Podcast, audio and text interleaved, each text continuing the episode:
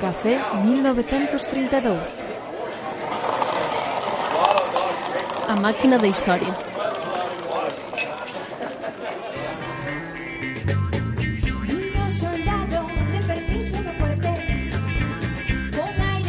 aproveitándose o lecer Quixo mofarse por de tiña isto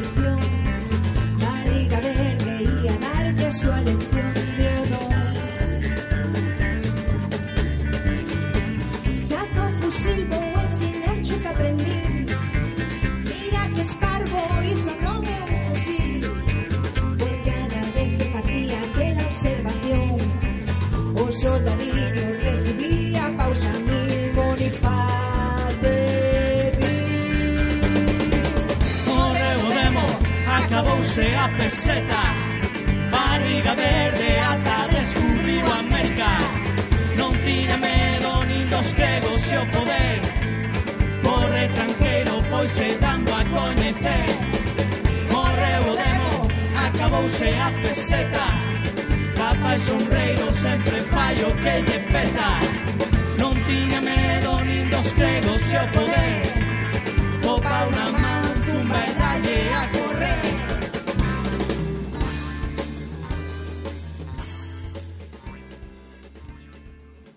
Benvidas a Café 1932, o podcast da Comisión de Historia da Xentalla do Pichel. Eu son Esteban Llanes e me acompaña Sabela Fernández e hoxe imos falar dunha superestrela da, da cultura galega do século XX, non? E con nós temos a, a Comba Campoy, a que presentará a miña compañeira,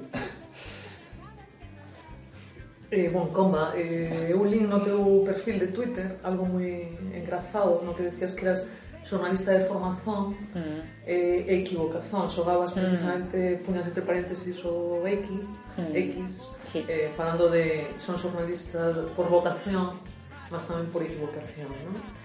Eh, no Twitter tamén dis que traballaches, traballas en teatro audiovisual e andas a voltas co proxecto de Barriga Verde. Nos engadimos aquí que es licenciada en Ciencias da Comunicación pola Universidade de Santiago de Compostela, investigadora centrada sobre todo en temáticas de comunicación social e concretamente eh, un dos teus primeiros traballos nesta área foi unha investigación, acción participativa nunha comunidade do rural galego. Non? Chegaches a rodar neste proxecto unha serie de ficción para ser emitida na televisión local onde, polo que sabemos, os membros da comunidade participaron na escrita do guión, na filmación, na interpretación... Uh -huh Onde estaba esa comunidade? Como foi esa, sí, esa experiencia? Esa, esa comunidade que soa como se fora un sí. reduto era Chantada, que está de todas coñecida, No? A vila de Chantada. A vila de Chantada, o que pasa que a rodaxe foi sobre todo no, no nas parroquias de, mm. de Chantada, que va, non sei se coñecedes, pero ten sí. un entorno impresionante. Eh, foi unha experiencia que chamamos de Cabo do Mundo, que é tamén o nome dun dos recunchos que hai na Ribeira Sacra, uh -huh eh, que realmente está no cabo do mundo, porque chegar até ali é... Eh, e isto era un proxecto de ficción, unha serie... Sí, foi unha serie de ficción que fixemos eh, foron seis capítulos finalmente, queríamos facer trece finalmente. Bueno, temporada, eh, temporada reducimos sí o formato porque claro, había que rodar en fins de semanas, era todo moi voluntario e, e a xente ia se cansando como pasa normalmente neste tipo de, de historias, pero a verdade é que foi foi super bonito. Uh mm. -huh. Eh, eu de Creación colectiva ou sí. aí co guión? No, para... para nada, eu realmente mm, a miña, o meu papel foi un pouco facilitador. Uh -huh. Eu mm, pois estaba un pouco organizando produción sería, non? Falando uh -huh. termos máis profesionais, eh, pois fixemos un casting con xente da vila para, para buscar o reparto, logo tamén en, chavalitos novos uh -huh. que lles empezaba a interesar o tema do audiovisual, foron os formaron parte do equipo técnico, algúns estaban estudando imaxe son, entón aí conseguimos formar unha equipa moi moi bonita e eran fixeron pandilla ademais, non? De feito, hoxe podemos decir que algúns deles seguiron facendo audiovisual e pode ser que fora a raíz non daquela, daquela historia. Eu teñolle moito cariño non, a ese proxecto. Feito, sigo volvendo a Chantada, que non teño nada que ver con Chantada, sigo volvendo aí polo entroido, porque, non sei, quedoume aí E podes eh, non? encontrar na rede ou podemos... Podese, eh, podese ver na rede. Penso que a través do portal do Consello da Cultura Galega de AUPG que era un... Bueno, sigue funcionando, uh -huh. penso, senón sí. o quitaron pero estaban ali pendurados os, os seis episodios Así que se alguén ten esa curiosidade pode, pode velo e penso que na Xentalla tamén hai un, un DVD uh -huh. para que, pa que non queira mirar moi ben Bon, e además do teu traballo sobre audiovisual eh, comunitaria, eh, investigas tamén as posibilidades do teatro e do cinema como ferramentas de, das comunidades para a mudanza social. Mm. Algo que se traduciu na túa investigación doctoral sobre o teatro popular de títeres como fórmula de resistencia durante a dictadura franquista. Mm, que nos contas? Eh, respecto, por certo, parabéns pola túa tese de doutoramento, non? que liches precisamente, creo que non, no día que detiveron os sí, títeres eh, sí. de compañía de títeres de Foi unha curiosa coincidencia, verdade? Eu non tive nada que ver coa detención. Pero... Non te chamaches ali para que... non, non, bueno, de feito, a min veume moi ben, realmente, porque foi, vamos, a demostración clara de que aquilo que eu trataba de demostrar na miña tese tiña, mm. tiña algo de sentido, non? Dicir, podería pensarse que a miña tese era unha, unha cousa un pouco friki, non? De eso, non? Porque realmente um, centrei a, a, a investigación en Berriga Verde, que, un, que foi un, un espectáculo de teatro popular e, por tanto, un, un espectáculo ao que, no que ao que accedían pois, as capas máis, máis humildes da poboación e, por tanto, que non foi nunca estudado dende a academia como, como mm. unha forma estéticamente valorable. Eh, eu quería defender na miña tese, eh, independentemente dos seus valores estéticos, que exerceu unha, un papel como forma de resistencia simbólica. Pero como forma de resistencia simbólica, claro, contra, é dicir, unha eu falo de infrapolíticas, mm. non? Tomo un, un termo prestado dun, dun antropólogo e historiador norteamericano que James Scott que fala de infrapolíticas para, para referirse a aquelas formas que non levan a unha acción de transformación inmediata uh -huh. pero que sí que fican como un sustrato que pode levar nalgún momento dun futuro a unha transformación. Teño, teño a impresión de que mm, de, desa de importancia dos, dos títeres como algo subversivo se foi máis consciente hai, hai uns anos, non? O Teatro de Roberto Villarbolano, por exemplo, ten, ten moita influencia dos títeres, ten moita influencia, moita presencia do, do, do entroido, polo que... Sí, Vidal Bolaño que... era un gran defensor de, do que se chaman as formas para teatrais tamén uh -huh. na cultura galega, non? Que está, o entroido o entroido, os títeres tradicionais que eu estudei beben directamente de toda a cultura carnavalesca europea uh -huh. eh, que está presente no, no entroido, é dicir, o entroido galego, o entroido eh, no, que, no que se mantiveron moi vivas formas culturais do medievo uh -huh. e que eran puramente resistencia simbólica, non? romper coa orden e... subvertir completamente, non? A inversión simbólica, non? Que se fala. E, e esa, moitos, mm. moita simboloxía do carnaval está presente na tradición de títeres europea da que forma parte de Barriga Verde. Contanos un pouco, precisamente, trázanos aí un, sí, un pequeno mapa xeográfico de todas... A mí Barriga Verde sóme así vagamente, pero verdad que non tiña ni idea de quen é un señor, é un títere, é un espectáculo, é un conto para nenos, que é exactamente Barriga Comeza Verde. por, por Europa e acaba aquí sí, na Galiza. Sí, unha longa historia, ¿eh? sí. eh? unha longa historia que por poñerlle un comezo, vamos a poñer no século XVII, pero ah. probablemente de, de atrás eh, en forma de marioneta eh, é do século XVII, máis ou menos, uh -huh. eh, coa, coa personaxe de Pulcinella, uh -huh. un personaxe napolitano que, eh, en principio, foi a, eh, un actor sí, de comedia del arte, da comedia del arte, pero que conviviu prácticamente dende a, dende a súa orixe co, con un personaxe homólogo de, de Marioneta de Luba. Uh -huh. É dicir, eh, hubo un momento no que en Europa tuvo moitísima popularidade a comedia del arte, chegando mesmo a, a ser eh, contratadas as compañías eh, polas, pola aristocracia, por reises, que, que, que os convidaban a representar as súas eh, sí, estivo de comedias, moda, estivo de moda as farsas, pero que problema tiña que eran, eran moi ácidos. entón chegou un momento no que aquilo non, non puido ser porque se metían claramente coa, coa aristocracia. Dicir, os propios que os contrataban levaban eh, levaban directamente, non?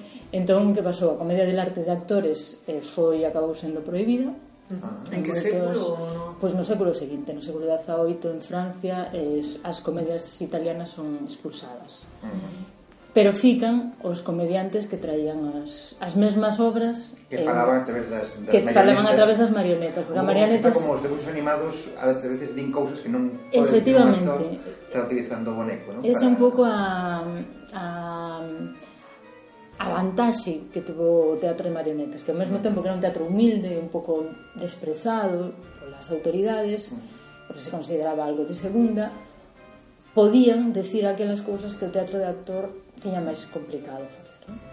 Pero xa tamén que había un, tamén un componente, non sei, non podo chegar a dicir efectos especiais, pero tamén tiñes alguna unha cousa abraiante de ver, non? Porque... Sí, no, as marionetas se relacionaron sempre coa maxia. Mm. Decir, a, a, moitas moitas marionetistas moi famosos se consideraban que teñen contactos coa lei, ¿no? que era xente con, con superpoderes, ¿no? Claro, claro, que o marioneta tiña unha especie de vida propia. Efectivamente, ¿no? e iso tamén era un eximente para o marionetista. Claro. É dicir, aquilo que dicía a marioneta no, realmente non o dicía o marionetista, o marionetista era un mero eh, facilitador para que aquel uh -huh. pedazo de madeira cobrase vida.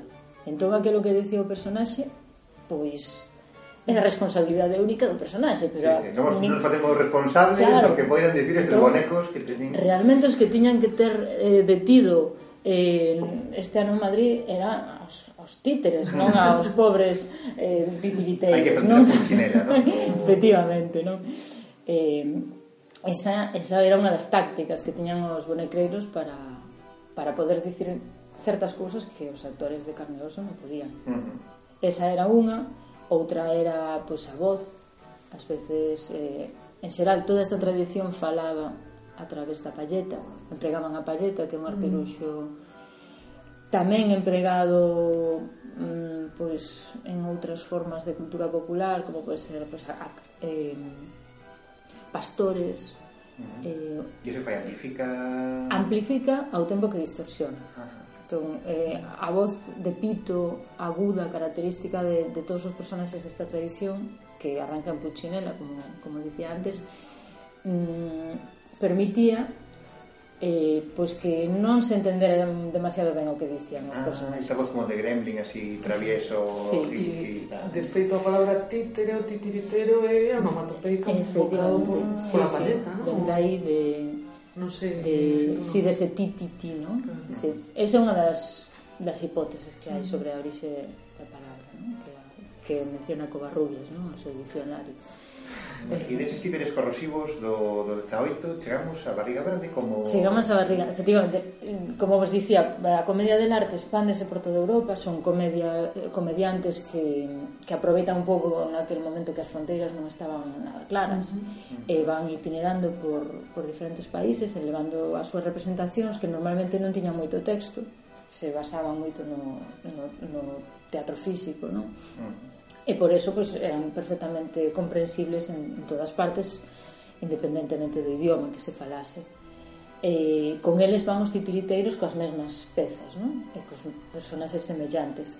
E eses, eses titiriteiros foronse quedando nos distintos países. En cada país íbase adaptando á lingua a, a personalidade de cada povo e foron surdindo personaxes eh, curmáns, digamos, de Pulcinella nos diferentes lugares de Europa. Aparece Polixinen en Francia, aparece Punch en Inglaterra, eh, Casper en Alemania.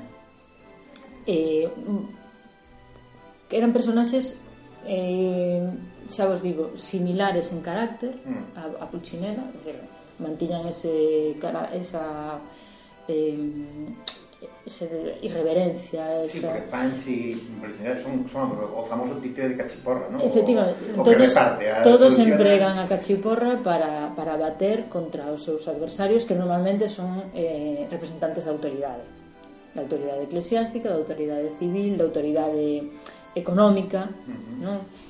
E, e tamén chegan a, a Península Ibérica chegan a, a España, digamos, a Castilla, a Andalucía, o personaxe de Don Cristóbal, Don Cristóbal Polichinela, que é o que, o que, prendero, o que prenderon o que retomaron os títeres o que retomaron títeres desde abajo uh -huh. que con Don Cristóbal Polichinela parece que hai mm, hai o personaxe en vez de ser o representante do povo sí, convertiu nun, convertiuse no, nun rico, no rico avaro e, e Bello Verde, sí, Bello, ¿no?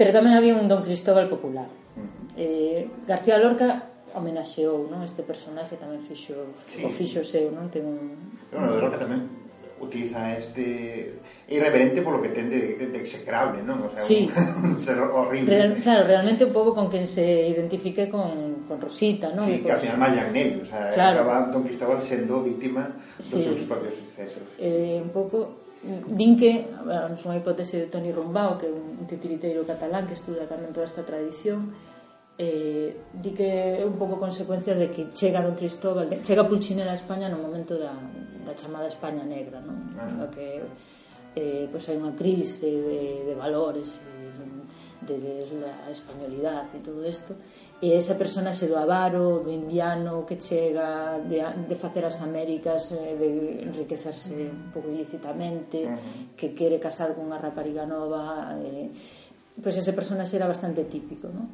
E Don Cristóbal encarna esa figura. Quizá pois que mentre en outras culturas a figura do, do Geta era algo liberador aquí a figura do Geta era algo aquí, bueno, en, en, en, en no, sur de, no sur da península era unha, unha figura pois bastante común dentro do poder incluso, non? Entón se pinta como algo sí, algo malo, como algo E, e non se sabe nada do Don Cristóbal Popular. Don Cristóbal Popular non tiña don, para empezar. Uh -huh. Eran os, os chamados cristobitas en Andalucía e os cristobos en Galiza. Porque uh -huh. realmente antes de Barriga Verde o que, o que era popular era que os cegos, os mesmos cegos que tocaban o violín ou a zanfona polas romarías, eh, tivesen un, detrás da súa capa representasen pequenas pezas de, de, de fantoches, de monicreques de luva, axudados polo seu lazarillo, uh -huh. e os personaxes eran os cristous. Entón, hai unha tradición previa a barriga verde en Galiza que é a dos cristobos, que proceden, pensamos, bueno, parece evidente, non, daquel don Cristóbal Castellano, sen o don, é dicir, que sí encarna o povo neste caso, e, e que ten uns argumentos que son moi similares a, ao, aos de Pulcinella. É dicir, un personaxe irreverente, un personaxe aparentemente ingenuo, pero que armado coa súa cachiporra enseguida pues, vence a, a todo o que se lle poña por diante. Entón é así, claro, falábamos da, da, da chegada de, de Puccinella a, a península dunha banda convertese en Don Cristóbal ou nos Cristobos e doutra, en Portugal, colle o nome do, do Robertos ou de Don Roberto. Uh -huh. Eh, tamén non se sabe moi ben por que se lle puxo ese nome, parece ser que había un bonecreiro que se chamaba así. Uh -huh. en, en, na, na historia dos títeres pasa moitas veces esa traslación, igual sí, que en Barriga como, Verde, como non? te veo tamén, non? Te veo que pasa a ser o nome do, do, do medio, do cómic. Eh, conviértese no, ah. esa metonimia, non? Neste caso, o mm. titiquiteiro daballe nome ao, ao personaxe. Oh. E eh, os Robertos tamén outra, outra das explicacións que se lle dá ao nome é que coa palleta eh, a, a palabra R era, perdón, o son do R mm. era un dos máis fáciles de emitir Entón, no, no repertorio do Teatro dos Robertos hai moitas palabras con moitos nomes con R, non? E Roberto, pois era un deles. Entón, os Robertos son o, o Pulcinella de Portugal e Cristóbal. E Cristóbal, o, o, o Pulcinella galego e Barriga Verde foi fillo tirandose de, de ambos destes dous pais, non? Ah, unha, unha, familia, unha familia homosexual. Homosexual. Okay. Eh, eu teño unha pregunta porque, o sea, algo que sempre aquí temos a idea de que eh, os títeres, as marionetas son sempre espectáculos para mm, para eh, crianza, crianza mm. ¿no? E todo o que nos estás comentando, todos estes espectáculos os vean adultos, eh, sí. crianzas todos xuntos. Claro, a, a diferenciación entre públicos por idades é eh, moi recente e ademais é unha diferenciación burguesa. Obviamente os os, mm, os públicos populares non tiñan tanta preocupación pola educación dos seus fillos e fillas, non? Eh, realmente pois com, compartían a maioría dos dos eh, das culturais, das diversións, sí. claro, dos momentos, e, eso tamén é unha forma de, de aprendizaxe, non? E de educación. Mm. Eh, foi no século XIX cando determinados sectores da sociedade europea empezan a preocuparse sí, decir, de, quen vai pesar nos, nos nenos claro, sí, empeza, sí. para ben e para mal non claro. tamén un pouco a consideralos eh, pois, non sei, pequenos futuros eh, traballadores aos que hai que inculcar determinados valores uh -huh. que non se permiten E ainda así eu ta, conseguín tamén un dato moi interesante de falabas antes de García Lorca, Jacinto Benavente, mm. eh, chegou a facer el tamén un teatro de títeres diante de, bueno, da, da máis selecta aristocracia madrileña, con polichinela, con cachiporrazos a claro. muller, ao eh, rei, a Pancha en Judy, eh, que, vamos, Pancha en Judy no seu repertorio está o aforcamento do, do suiz, E eso se representa diante da, da Reina de Inglaterra cada ano. decir, sen ningún tipo de problema. Que pasa que mm, aquí perdeuse esa tradición. Era unha tradición que en Inglaterra, sendo unha tradición popular, mm. chegou a, a ser asimilada por toda a sociedade inglesa. En este momento, pois, todos os braus nas praias de Brighton hai representacións de Pachanjubi. Sí, pasou a ser parte da súa identidade, non? Claro. Reivindicado como, mm, claro. como tal. E, e o mesmo en Francia con Guiñol, mm. que tamén Guiñol comezou sendo pois, un, un repertorio que, que reflexaba os intereses das, da clase obreira, do, mm. da clase do, da, da industria textil de, de Lyon. No? Ah. E, e, e agora mesmo pois, é símbolo da cidade. Aquí mm, non se considerou que aquelo pudera ter ningún valor eh, pero seguiu facendo con todo foi unha seguiuse facendo relativamente eh, cinguéndonos ao caso galego eh, Barriga Verde é dos dos teatros populares que, que duraron máis tempo. Claro, pero eso digo, que, que seguiu ata en 22 século XX sí, probablemente Competindo por... con outras formas de diversión. Igual pola nosa posición periférica tamén, tamén non? Eh, pode ser beneficios en algunhas, en algunhas circunstancias. En este caso, pois pues, sí, era, formaba parte Barriga Verde do repertorio dunha familia de, de titiriteiros, de artistas ambulantes que, que seguiron representando o seu espectáculo que xa me gustaría a mí podelo ver, non? Porque mm. debía ser ah, impresionante aquelo, non? Porque ali toda a familia pois pues, facían ademais dos títeres que, que era sempre pois, pues, o, o final pues facían mm, números de, de circo, varietés, canción, payasos, todos os, os, os nenos da familia pues contanche, non? Os agora vellos contanche pues, como ensaiaban para facer pues, aquel concerto con botellas de auga, non? Tiñan ah, as botellas ah. así en diferentes eh, entonacións non para poder tocar. E eso nos queda memoria oral, porque non non hai memoria fotográfica. Memoria oral e moi pouquiña memoria fotográfica, uh -huh. moi pouquiña.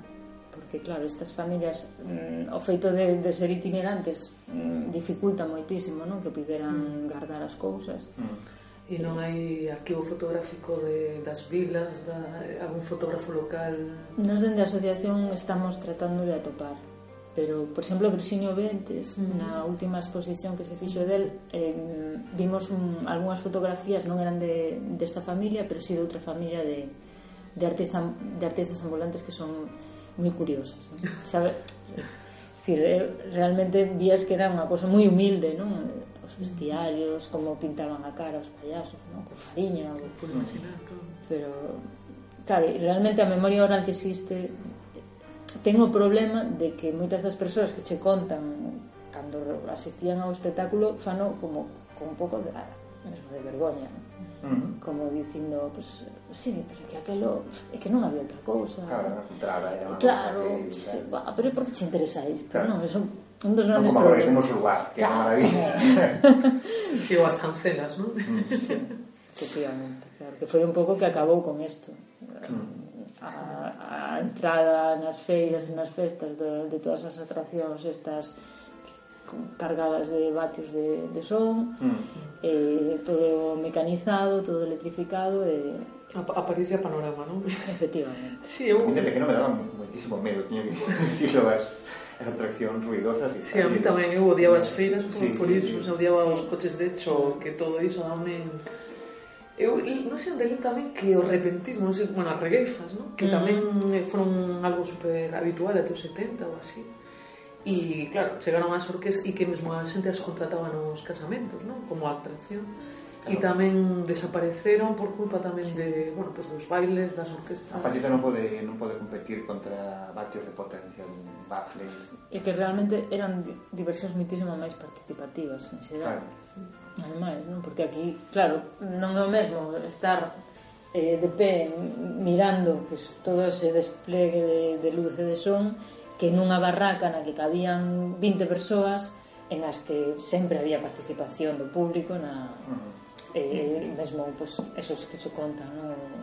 O, o propio titiriteiro pues, ás veces eh, referíase a alguén do público que coñecía non? Eh, era unha maneira tamén de captar a, a súa atención Sí, na, na miña tez non había nada que pudera gañar o, a, a eso, non? A relación coa, coa propia xente do, do povo tiña que ser algo moi claro, moi íntimo. Sí. Bueno. A ver, é, un, é unha das cousas que, que unha das cuestións que, que formulo na miña tese é si realmente hoxe en día podemos falar de cultura popular, non? Cando uh -huh. cales son as vías que temos para, para facermos cultura Claro, somos consumidores. Somos menos consumidores. É certo que a través do consumo tamén podemos facer cultura. Eh, podemos resistir tamén. Eu mm. creo que a cultura popular agora mesmo está na internet. Eh, Sí, sí. É probable. Creo que sí. Mm. Esto sí, sí, é probable. A cultura popular. É dicir, tamén dende a Asociación Cultural Morrebodemo, eh, non? Xa, hai para fazer un pouco de autopromo, eh, como recuperadores de, de, desta figura nos gustaría que se activara hoxe e é evidente que vai ter que ser a través das novas tecnoloxías se mm. non, non chega con, con recuperar o, o boneco e, e representar tal e como parece que, que era porque claro. nunca saberemos como era claro temos que tratar de facelo como, como hoxe tería sentido. No, igual que chegaba un pobo e falaba das particularidades dese pobo, teria claro. que falar das particularidades do momento, de agora mesmo, non pode ser claro. unha unha cousa simplemente retro, vintage... Claro, non unha cousa museística, non? Que se claro. aí para... E hai que provocar, ten que ser todavía, ten que subvertir un orde que temos agora, claro, que non é un Que eso era o que intentaban facer os títeres desde abajo, non? Claro. Que, que pasa que... que, que se ve que ainda claro. siguen sendo, pois, pues, eh, vamos, un perigo. Un perigo. Que, Sí, menos mal que nos, non sei vos, pero eu como me criei coa bola de cristal e os electroduendes, mm. menos mal que ainda quedou aí o que decías tú antes da, das infrapolíticas, non? E, eh, Carai, eso sí que nos quedou no subconsciente, no. pero agora reviso eses, eses guións, como, como podían permitilo? Claramente foi, foise atrás, eh? Mm. Totalmente, Porque... Eh, o sea, eu creo que coa lei mordaza agora, o sea, o que queren é que non ocupemos a rúa que estexamos eso, en centros comerciais ou na casa sin relacionarse con ninguén e sobre todo eso que non pensemos, cousa que a bola de cristal decía que que bueno, que sí. que claro. estaban feitas o, o Santiago Albarrico decía iso, decía so, eh, son fábulas para nenos porque os nenos sí que poden pensar, non? Eh, non como agora que os nenos non poden pensar, non? Non sei, teño outra pregunta que ten que ver, porque eu ainda non sei moi ben como era ese boneco de barriga verde, a pesar de que tú falabas da oralidade, non? Mm. E de que se perdeu... Si, tiña barriga verde, eso. eh, pois, eh, o boneco non tiña barriga, porque ah. os bonecos de luva non tiñan barriga. E a man do, do bonecreiro, non? Coberta cunha, cunha tea. E, e realmente a propia familia do Tintiquiteiro non ten moi claro como era Polo tanto, eu a miña conclusión é que variaba eh, pois, dentro cada bonecreiro tiña o seu propio barriga verde mm. e mesmo un propio bonecreiro podía mudar de, de personaxe cambiarlle a apariencia sen, sen problema non? Por características, a, a cachiporra eso sí, sí normal, efectivamente, él era o, o personaxe que, que movilizaba a acción pois, a base de, de provocar eses encontros é decir, o, o, o esquema básico deste tipo de teatro uh -huh. é que o Bonecreiro ten dúas mãos é dicir, é o único que que move toda, toda a historia é, un, é unha persoa con dúas mans uh -huh. nunha man mm, manipula ao heroe ou antiheroe, como lle queiramos chamar, neste caso Barriga Verde, e na outra vai mm, vestindo, vai calzando os outros personaxes. Entón, por iso Barriga Verde pois, sempre está en escena e vai atopándose con, pois, co cura, co, co portugués. Contanos un pouco iso do portugués. Sí, o portugués, eh, claro. Eh, a familia Silvén, eh, que son os, os que, que levaron a barriga, levaron verde. Barriga verde por, por Galiza, mm, teñen orixe francesa e mm, asentaron en algún momento eh, na península, parece ser que en Extremadura, pero pasaron por Portugal. Eso está claro. Hai diferentes versións da historia, unhas din que só pasou un, que escapou da familia e ali pois, aprendeu arte dos fantoxeiros. Non o temos moi claro. Está claro que hai unha influencia portuguesa, eso é mm. seguro. E que cando chegan a Galiza, eh, pois, introducen a figura do portugués como a, como a do contrincante, uh -huh. un pouco, pois, supoño que vendo que hai certa pois, relación de Sí, sí. De, de... Bueno, pues... Mmm, nas poboacións fronteirizas polo menos ou outredade non? efectivamente, outro, non? hai, unha certa, hai un certo conflito mm. eh, eh representase a figura do portugués como, como ás veces tamén se lle chama o indiano mm. ven sendo a mesma figura non? É, é alguén que ven fachendeando de, de riqueza, de beleza de moza eh, de, de saber máis que o outro Yo o de Castela, nunca hai un de Castela como antagonista? No, o... no, no caso de, de Barriga Verde hai o indiano. O indiano. O indiano que sí sería pues, un pouco tamén ese que chegou... Emigrante retornado. O emigrante retornado, desnaturalizado, que, que vencheu de cartos e, eh, e que tamén pensa que, que máis que o inmigrante. ¿no? E esa familia chega en que década aquí a Galiza? Eh, tampouco non temos datos claros, hai, hai bastantes lagoas, ao ser unha familia itinerante non, non existen moitos registros pero, pero en torno á última década do 19 e a primeira do 20 andan por aquí xa E as xuntas definitivamente na Galiza aprenden a falar galego e tú, non? Porque... Mm, a ver, eh, de, por exemplo, do, do, de Xosé Silvén, que un dos que temos máis datos, non? Porque realmente a, del sí que guardaron a familia bastante material, eh, asentou en Lérez eh, as fontes das que dispoñemos escritas que son pues, hai artigos de Cunqueiro por exemplo, de, de Borobó eh, falan sempre de que era un portugués e de que falaba en portugués Entón, tamén aquí hai unha cuestión, non? Vedes que hai un personaxe portugués ao que un pouco se ridiculiza sí. e ao mesmo tempo eles teñen bastante de portugueses, non? Uh -huh. E que eu creo que se si veñen da Extremadura eh, a, a, digamos que apaña a simboloxía do fantoche portugués algún tempo tiveron que ficar en sí, Portugal sí, seguro. e a lingua galega tivo que ser aprendida, me imagino que a través do portugués por lo menos... Sí, sí, no, sí, eles se, mm. se falaban galego-portugués eh, eh, Xosé Silvén, eh, de que época é de...? Xosé Silvén mm, entra en Galiza aproximadamente no ano 9 e, e falaba portugués. Tiña sotaque portugués e isto sí que temos bastante referencias que, que, que o corroboran non? eu penso, esta xa é unha teoría miña que o, o personaxe do portugués a introduce el para curarse un pouco en saúde hmm. porque probablemente en algún momento se dubidou sobre a súa orixe e el pois, mm, quere demostrar que é español De feito, a, a primeira referencia que temos na, na documentación vital desta persoa a que é español é cando casa.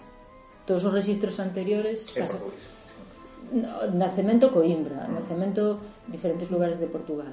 Entón, eu creo que, que aí podía el precisar, eh, reforzar a súa españolidade. E este Xosé é case sinónimo de Barriga, de Barriga Verde, polo... polo... Polo sur de Galiza, sí. Uh -huh eh, Xosé Silvén é Barriga Verde. Uh -huh. É dicir, a xente referíase a él como Barriga Verde. Cambio no norte, eh, con, eh, coñecíase a Barriga Verde ao seu irmão, ah. Santiago Silvén. E eh, na zona de, Ourense, ¿no? De... Se... claro, repartían, eh, eran varios irmãos que se repartiron eh, o territorio, uh -huh. percorrían as feiras da, da súa zona. Había unha muller, Julia Silvén, que tamén eh, manipulou bonecos, non? Que tamén é importante dicilo, que tamén sí, había sí, mulleres sí, marionetistas. Sí, iso ia te preguntar eu tamén se había titiriteiras. Tamén había, o que pasa que non, como non se vía, pues, pasa que Xulia eh, Silvent que era de tamén de ese ano, ano 9, 10 ou Si, sí, máis ou menos da mesma da mesma quinta era, pues, con, non temos datos tampouco da, da súa idade, de feito os fillos non nos saben moi ben tampouco É Esa, difícil. a primeira xeración do Silvet que morre cando? Morre... Que morre nos anos 60, 70. Uh -huh. E viven os seus están fillos. 50 anos... Sí, están prácticamente a primeira metade do século están percorrendo Galiza. E xa temos referencias a Barriga Verde dende o ano 17, prácticamente. Pero con moito éxito. Eso, ben entender, polo menos, unha cousa que, que vin, que me chamou moito a atención e que é que tienen imitadores Para podía nin que dicir que eres un auténtico barriga verde porque sí. eh, había outra xente que se claro. proclamaba tamén que levaba a ver, eso eso é curioso non? Eh, eu in, tratei de interpretalo ou interpretei no como unha, un intento desta familia tamén cando empezan a ver que as feiras eh, se industrializan uh -huh. eles tamén tratan de sobrevivir. ¿no? Y de autenticidade e a claro, claro. Es É dicir, na cultura popular a autenticidade non ten ningún valor. No. Realmente sí. a cultura popular é colectiva e, e barriga no, verde... Te enfrentas con algo... Claro, é dicir, non existe o copyright. ¿sí? No, claro. Eh, entón, claro, a familia Silvén chega un momento que adquire certa popularidade con o seu espectáculo empezan a mellorar o, o dispositivo, non? Pois empezan, empezaran cunha, cunha barraca moi humilde e acaban a mellorando hasta convertirla nun pabillón, non? Un pouco a imitación do, dos pabillóns burgueses que había nas cidades. Uh eh, -huh. e, e claro, xa pasa de ser un titiriteiro que vai coa súa familia a ser un empresario que contrata artistas ambulantes para que fagan algúns dos números do espectáculo. Entón, digamos que un proceso de tratar de adaptarse á nova cultura de masas que empezaba a implantarse xa en Galiza, ainda que foi moito máis con moito máis retraso que no resto de Europa. Eh, para min foi como un intento pois, de, de sobrevivir que, que fallou. Uh -huh. E outra interpretación é ese el auténtico barriga verde que aparecía na barraca, pois eh, é que mesmo dentro da familia había competencia. lo cual es un poco peliagudo también.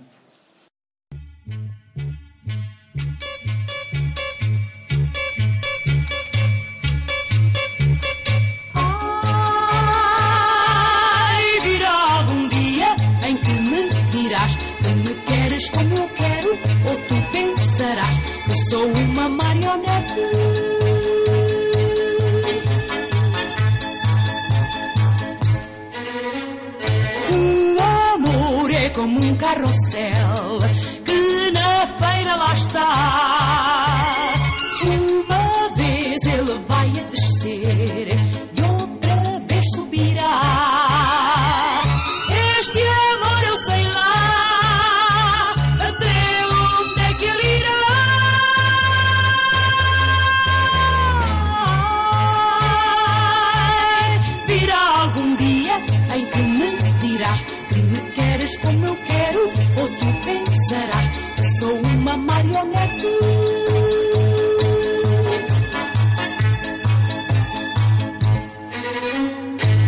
Sei bem as ideias que tens, se partirás ou não.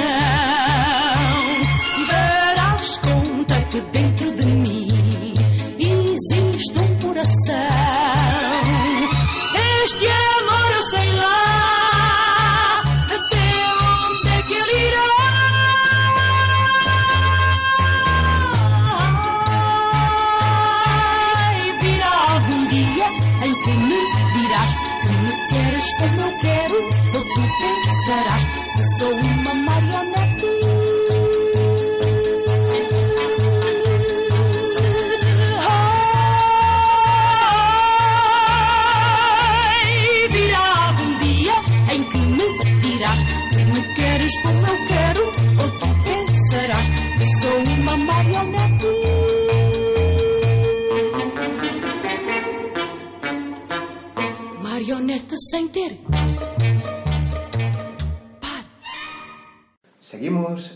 Café 1932, falando con Comba Campoy de Barriga Verde.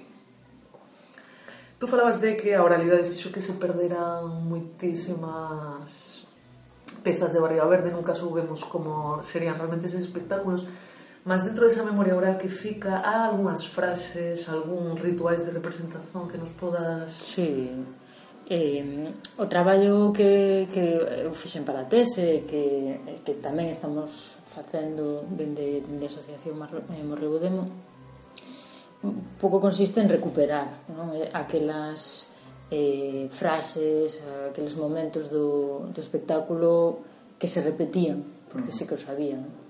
Eh, e moitas veces, ademais, eh, eu interpreteino tamén como formas de eh, como tácticas non? De, de infrapolítica, desa infrapolítica da que falábamos antes, pois utilizar formas da, da cultura popular de, de cantares ou ditos para, para mm, parodiar aos poderes. Pois, por exemplo, eh, o repertorio así moi, moi esquematicamente, o, eh, consiste pois, en Barriga Verde atopándose con portugués, que xa dixen, o indiano, eh, o Barriga Verde, un barbeiro sí, que... Sí, o barbeiro, son, esa escena que, que parece que temos máis ou menos como, como percorríamos, como, como Como era ese... Barri, ese barriga Verde, un barbeiro que eh, vai a, a afeitar a, a, a outro personaxe que a veces chamase Manuel, a veces é o indiano, o mesmo, o mesmo portugués, que vai casar con Rosita.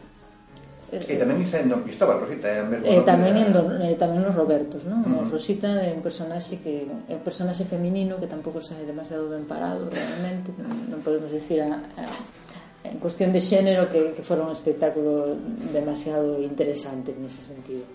E, e claro, Barriga Verde mmm, pues fai unha desfeita, ás veces cortalle unha orella, non afeita ben a, ao, ao outro personaxe que protesta e non lle quere pagar. Entón, pois Barriga Verde empeza a, a darlle paus ata, ata batalo. que a cousa é, é gore, eh? non no se quedan a, a medias. E despois, que pasa? Pois morre ese personaxe, aparece Rosita ou Rosiña, e empeza a chorar, a laiarse de que, de que o seu prometido morreu, Barriga Verde para consolala mm. chama ao cura para organizar o enterro e e o cura aparece en escena, o cura por suposto é, é, é avarento, é, é o, o típico cura o cura eh, galego, o cura galego efectivamente, non?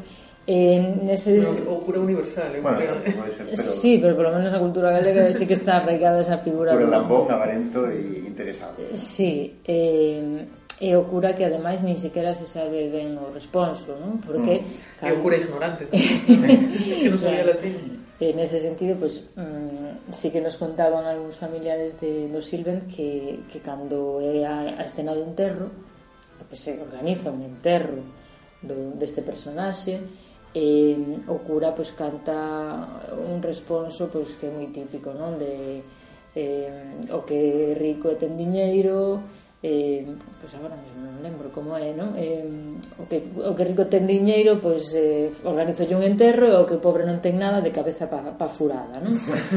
que eso é, é unha cantiga moi bastante tradicional. En ese mesmo enterro, o, o personaxe que está morto, supostamente no cada leito, pois en un momento levántase erguese da, do cadaleito, saca a cabeza, aí sí que había un dispositivo bastante currado, ¿no? a nivel escénico, mm. e dille a Rosiña, que iba chorando ¿no? no, no cortexo, dille a Rosiña, eh, non chores Rosiña que eu vou ben. Esa frase repetirona mm, todos os informantes cos que falamos, non? Así que polo menos sabemos claro.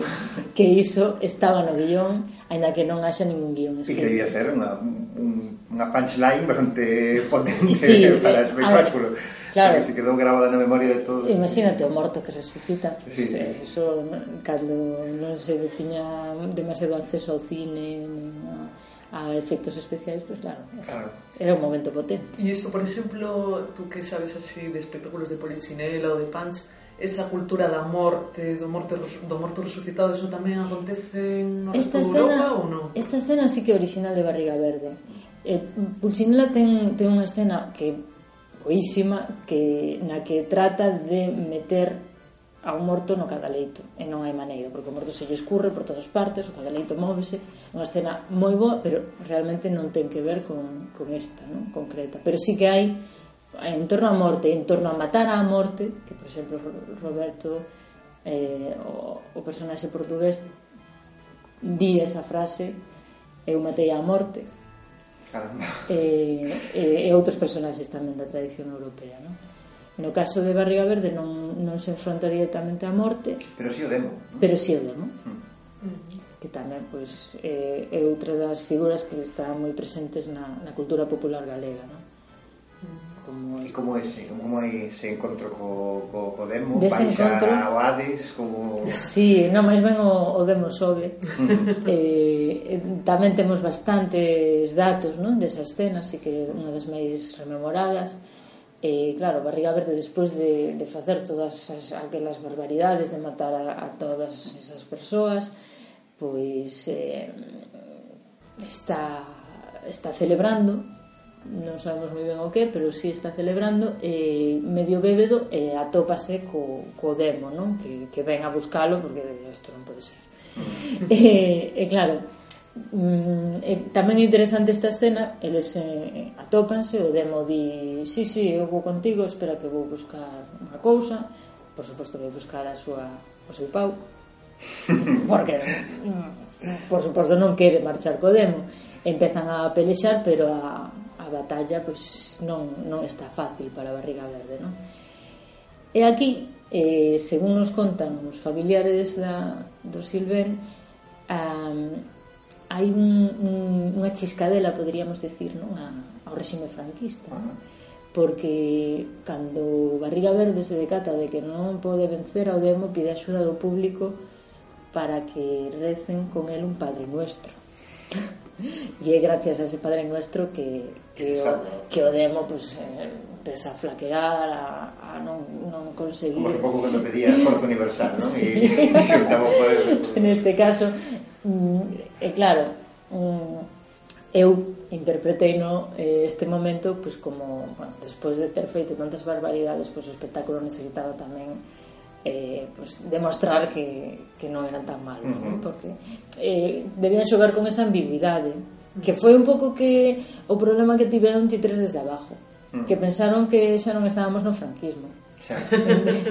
cando deberían ter no, utilizado y, esas tácticas para, para esquivar un pouco eu creo que a retranca galega ou a ambigüidade claro. o sea, poñer unha pancarta que di Gora Alcaeta é algo moi directo sí. deberían de ter xogado con, claro. pues, con, con bueno, con todo o que comentaste claro, mesmo ¿no? cando de... se coñecedes o argumento do espectáculo de títeres desde abajo ese cartel pono un policía mm para tratar de culpabilizar ao personaxe a heroína da, da historia non? é dicir, que quen, eh, quen coñecera ben o argumento non podía por ningún lado eh, acusalos no, pero... de apoloxía do terrorismo pero, pero bueno eh, creo que é demasiado pedir para... outra das escenas que, que se comenta aquí e debe ser bastante espectacular mm, era a da tourada non? Sí. De títeres representando unha tourada supoño que a bufa unha, unha claro, comedia sí. saltando por, por sí. os aires e, e todo isto. Sí, ademais é, eh, é curioso como é unha escena que existe tamén na tradición do, do Cristóbal español, uh -huh. obviamente, mm, pero parece ser en, en, que tamén existía no, no, nos Robertos portugueses. Sí, as touradas. Claro, entón, a, as touradas do Don Cristóbal eran ao estilo español, decir, utilizando espada e, e, e espoleando ao, ao pobre touro, e as touradas eh, portuguesas eran eh, abrazando o touro, non? O, mm. a, os forcados. Os forcados, sí. son varias personaxes que... Sometendo E no caso de Barriga Verde parece que hai unha fusión mm. non? De, da, da tradición portuguesa e tradición hispana eh, Barriga Verde sí que utiliza a espada pero realmente como vence a, ao touro é agarrando polo rabo mareando o touro e finalmente o touro pues, acaba patas arriba de no, como guarda, fuera de, no, de como si fuera bubúnico sí. Sí. Eu, por exemplo, falabas eso de que a conseguiran franquear un bocado a dictadura franquista. O tema do galego, da lingua galega, por exemplo, eso como, como explicas tú nese contexto, non? De que se deixase representar en galego tanto que se di que o franquismo, que eu non creo que o franquismo acabase co galego, que foi a industrialización e... Sí. Sí, realmente durante o franquismo sí que a, a expresión pública do galego sí que foi moi reprimida, sobre... pero probablemente pues en, Nas en elites. claro, en, en expresións culturais consideradas eh, cultas, ¿no? Entón, pues, seguramente lle foi moito máis difícil eh, a algunha compañía teatral representar o Don Hamlet de Culqueiro que a, que a Silven representar o seu Barriga Verde en galego porque era algo menos valorado ¿no?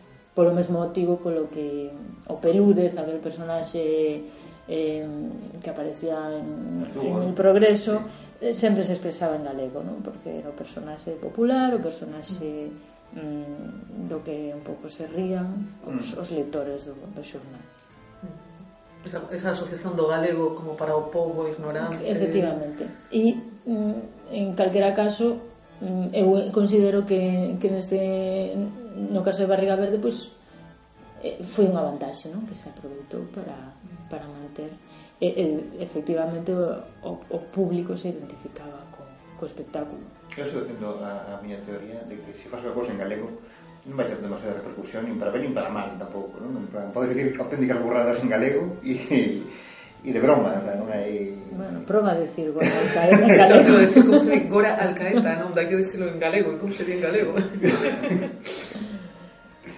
Sí, pero é certo que, que o tema da lingua dunha banda restou repercusión e doutra man, mm, permitiu manter. Mm. Sobre todo que creo que non se consideraba nin transgresor, nin perigoso. Mm. Para min, o que acabou realmente co espectáculo de Barriga Verde foi, foi o que vos dicía antes, non? as atraccións mecánicas, a mm. industria cultural. no, é, eu estou convencida de que o galego, mm, o sea, non se salvou polo povo galego, porque o povo galego en canto tivo a posibilidade de, de acceso á industrialización como o resto das elites e da burguesía ah. abandonou o galego, o sea, entón... Sí, a decir, aquí tamén eso, temos un momento de transición cultural a nivel mundial, non? Mm. decir, cando se perde toda unha tradición, toda unha cultura vinculada ao modo de vida agrícola, eh, eh, a, a, a a urbanización tamén provoca ese desarraigo, non? Tamén. Sí, fala, falaba da lingua, non? Claro. Eh, que a lingua galega eh, sempre hai o mito de que foi o povo quen salvou a lingua e... O povo porque se mantiña, porque se mantiña viva esa cultura tradicional e esas comunidades rurales, non? Cando... Porque o pese ao que eles non tiveran os intereses, non? Sí, non por romanticismo, que... sino por necesidade de falar claro, porque... algo. Exactamente, exactamente. Fálanos un bocado da asociación Como vai? Mm, todo o que fixestedes? Ben, pois, Borrego Demo chamamos, chamámonos así por en homenaxe tamén á frase, a unha desas frases que, que se repetían no espectáculo, Morredo demo acabou esa peseta, non? Normalmente o espectáculo remataba cando remataba cando Barriga Verde remataba o demo e acababa esa peseta que sería o prezo da entrada sí, sí, sí. en algún no, momento. Unha frase que non sei se, bueno, supoño que sería de máis atraccións e tal, pero para mí no, sí que era unha frase moi boa, avó, acabouse a peseta, unha cousa tamén. É, frase de...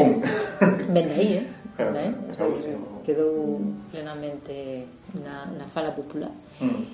Eh, e, e montamos a asociación un pouco coincidindo con o meu traballo tamén de investigación e tras facer un documental que tamén se chamou así e, e dicir un pouco con esa teima que, que tiñamos pois, eu dunha banda, outras persoas como Xermán Hermida, que traballa en comunicación, antropólogo, os membros da compañía Viravolta de Lalín. Agora uniuse nos outro tetriteiro, Borja de Titres Alacrán, que ten a súa propia versión de Barriga Verde. Uh -huh. decir, diferentes eh, xentes preocupados mm, desde distintos ámbitos en que esta forma cultural non se, non se perdera e que se reactivara. Entón, por unha banda, intentamos eh, investigar, recuperar todo o que se poida e pola outra difundir para que para que sexa a propia sociedade a que a que decida que eso é interesante que se, que se manteña e que se reviva, non? Que se actualice, como dicíamos antes, a través de outras linguaxes, non necesariamente dos títeres, senón pues, facendo memes en internet ou sketches de, de, en vídeo, etc. E eh, temos pues, feitas un monte de actividades, eh, tanto bradoiros, eh, charlas, exposicións. Montamos unha exposición o ano pasado que aínda sigue circulando, agora mesmo non temos non temos eh, en Galiza ningún ningún ningún lugar apalabrado, pero estamos tratando de, de colocar en Galiza aínda en algún museo antes de que vaya a Euskadi, que irá en 2017 ao Museo de Tolosa. E, e seguimos, seguimos falando con familiares de, pues, desta, desta do Silven. Seguimos tratando de investigar e de facer actividades non? Unha, unha cousa que queremos facer este ano tamén é recuperar o, a versión que fixo Manuel María de Barriga mm. Verde. Uh -huh. porque Manuel María eh, foi un deses nenos que, que, que asistiu ao, ao espectáculo no San Froilán. e E, de feito, temos unha entrevista gravada de Enxo García, un dos membros de Viravolta, con, con Manuel Mariana, que conta non? O, a impresión que lle dera o espectáculo cando era, cando era un cativo. El escribiu un barriga verde un pouco distinto, pero bastante fiel ao espírito. E que se pode resolver agora mesmo un, un barriga verde tan tan bruto como, como parece que era, non? Un barriga verde eh, que se emprexaba cos portugueses, un barriga verde asesino barbeiro, ou que se bastante políticamente incorrecto. Sí, bastante políticamente incorrecto. O sea, que, que, que público eh, buscamos para ese... E tendo en conta que podes ir ao cárcere... tamén, sí. tamén. No parece moi... Aí podenche decir os compañeiros de Viravolta de Alacrán, que mm. teñen as súas os seus espectáculos, eh, Viravolta eh, tivo xa algún que outro problema sí con, con algúns pais, sobre todo con pais preocupados porque aquilo que se les estaba mosando aos seus fillos non era, era demasiado violento e Alacrán pois, eh, ainda leva pouco tempo co espectáculo pero o de Alacrán é realmente cañero non? Ah. entón eh, eles defenden que sí Eh, eu creo que é interesante que logo se sexa, non? son, son as dúas compañías, non? Que na Galiza que, que por agora sí, que por agora están facendo, pero vamos, a, a, a idea é que Barriga Verde que é patrimonio non? de todos e que pode ser representado por quen queira, ademais é interesante que así sexa. E de feito sería interesante unha das ideas que tiñamos dentro da asociación era de lanzar pois un concurso de ideas para mm. para poñerse cara a Barriga Verde, por exemplo, porque xa, como vos dicía, non, non sabemos ben como era. Pero verde como mínimo, non? O... Ou non necesariamente. pero podemos... Se cadra era porque era un bello verde, ou non? Hai un montón de, de hipóteses tamén, porque barriga verde é como lle chaman a xente aos murcianos. Ah. E tamén en, hai unha, loca, unha cidade do Brasil, donde a xente chama de barriga verde. Din que porque comían moita verdura. Mm En Murcia comese moita verdura. Teñen boa horta. O mellor a solución está en Portugal. pois é. Pois... Bueno, pois eu creo que podemos eh, deixalo, deixalo aquí con Só ganas... Só unha pregunta ah, que... Bueno. Non, non, digo porque mm, que agora me suxeriches eh, que falas de que Barrio Verde se converta en patrimonio de todas as galegas e todos os galegos tedes algún texto arquetípico pues, para representar eh, como teatro de títeres aficionado como espectáculo non tiña texto escrito pues, mm, o que temos é o... o que temos é que, que está publicado no, no catálogo Barriga Verde de Feira en Feira non? no catálogo da exposición que fixemos o ano pasado pois que editamos un catálogo pero é algo máis que un catálogo porque ten artigos e, e ten un texto de Xaime Iglesias no que el pois, eh, enumera as escenas eh, do, do espectáculo. As escenas das que sabemos un pouco.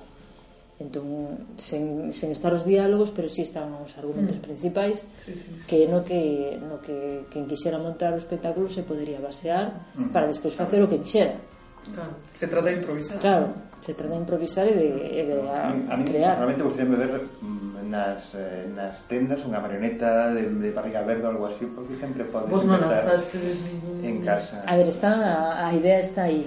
Feito... temos un departamento de, de marketing e de merchandising sí. que está traballando nesa idea. E unha preguntiña para acabar xa cando fostedes ali ou me imagino que o lere e descubristedes aquel armacén cheo de obxetos eh, cheos de poe cal foi a sensación ou Sí, non había, imagino que non había o monicreque, non? non... Os monicreques tiña os Alfonso, que o fillo de Xosé Silvén, o, o máis novo, eh, que un pouco que nos facilitou o acceso a todo ese material, el tiña os monicreques nunha vitrina na súa sala. De feito, unha das cousas que nos resultou un pouco máis delicada foi pedirse que nos deixara para, para poder expoñelas, non? Eh, pero como fomos collendo pois a base de moitas visitas e, e de ver que, que éramos respetuosos co, sí, co legado do seu pai. esta, Efe, este legado. claro, ele agora está contentísimo. De feito cedeu a todo o que nos o que nos prestara. Agora está en depósito no Museo da Marioneta de Lalín porque ele sabe que aí vai estar moito mellor que no fallo da súa casa. Porque... e aí non está Barriga Verde neses monicreques. Hai varios monicretis que poden ser Barriga Verde eh, nos máis ou menos identificamos un pero eu creo que se foi un barriga verde durante un momento de feito se viste esa exposición mm, ou se mirades no catálogo vedes que hai, hai marionetas como máis toscas que mm. son talladas a man e outras teñen... Tivo que ten cara como de bonequiño e, claro, e tal. Eh, outras que está feita con cariño especial. Digamos. esas parece ser que ya se encargaban a un, a un tallista de Santiago, que era un tallista que, que facía figuras para a igrexa. Uh -huh. Entón tamén, por eso, esos trazos así como máis finos. E era nunha etapa máis, máis recente. Uh -huh. Os primeiros facíanos eles con pues, a base de, de navalla, de madeira. Eu creo que debeu haber un barriga verde máis tosco e outro barriga verde que o que el, que o que Alfonso nos identificou como barriga verde agora, que xa ten os ollos de vidro e, e ten eses trazos máis finos. Uh -huh. Eu imagino unha barriga verde moito máis bruto. Uh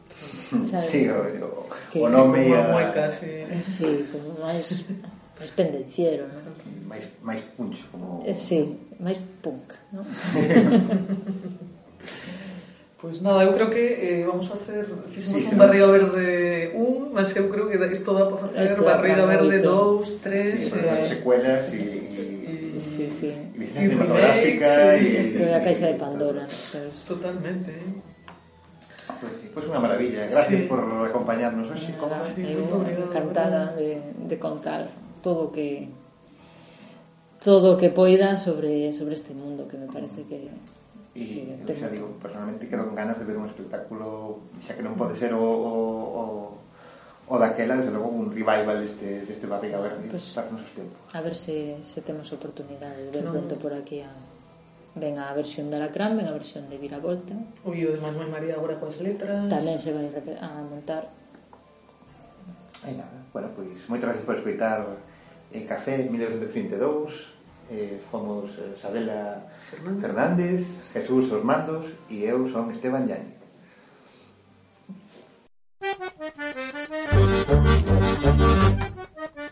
Thank you.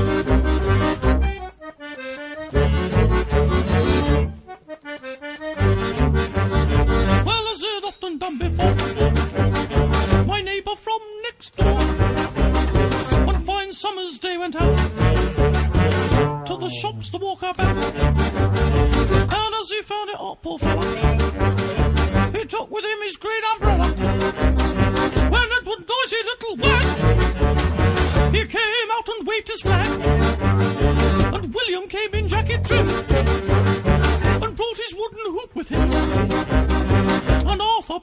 Toys and join the other bully boys. Well, those silly bully boys, they lost all their toys. But tall Agrippa lives close by, so tall he almost touched the sky. He was a giant through and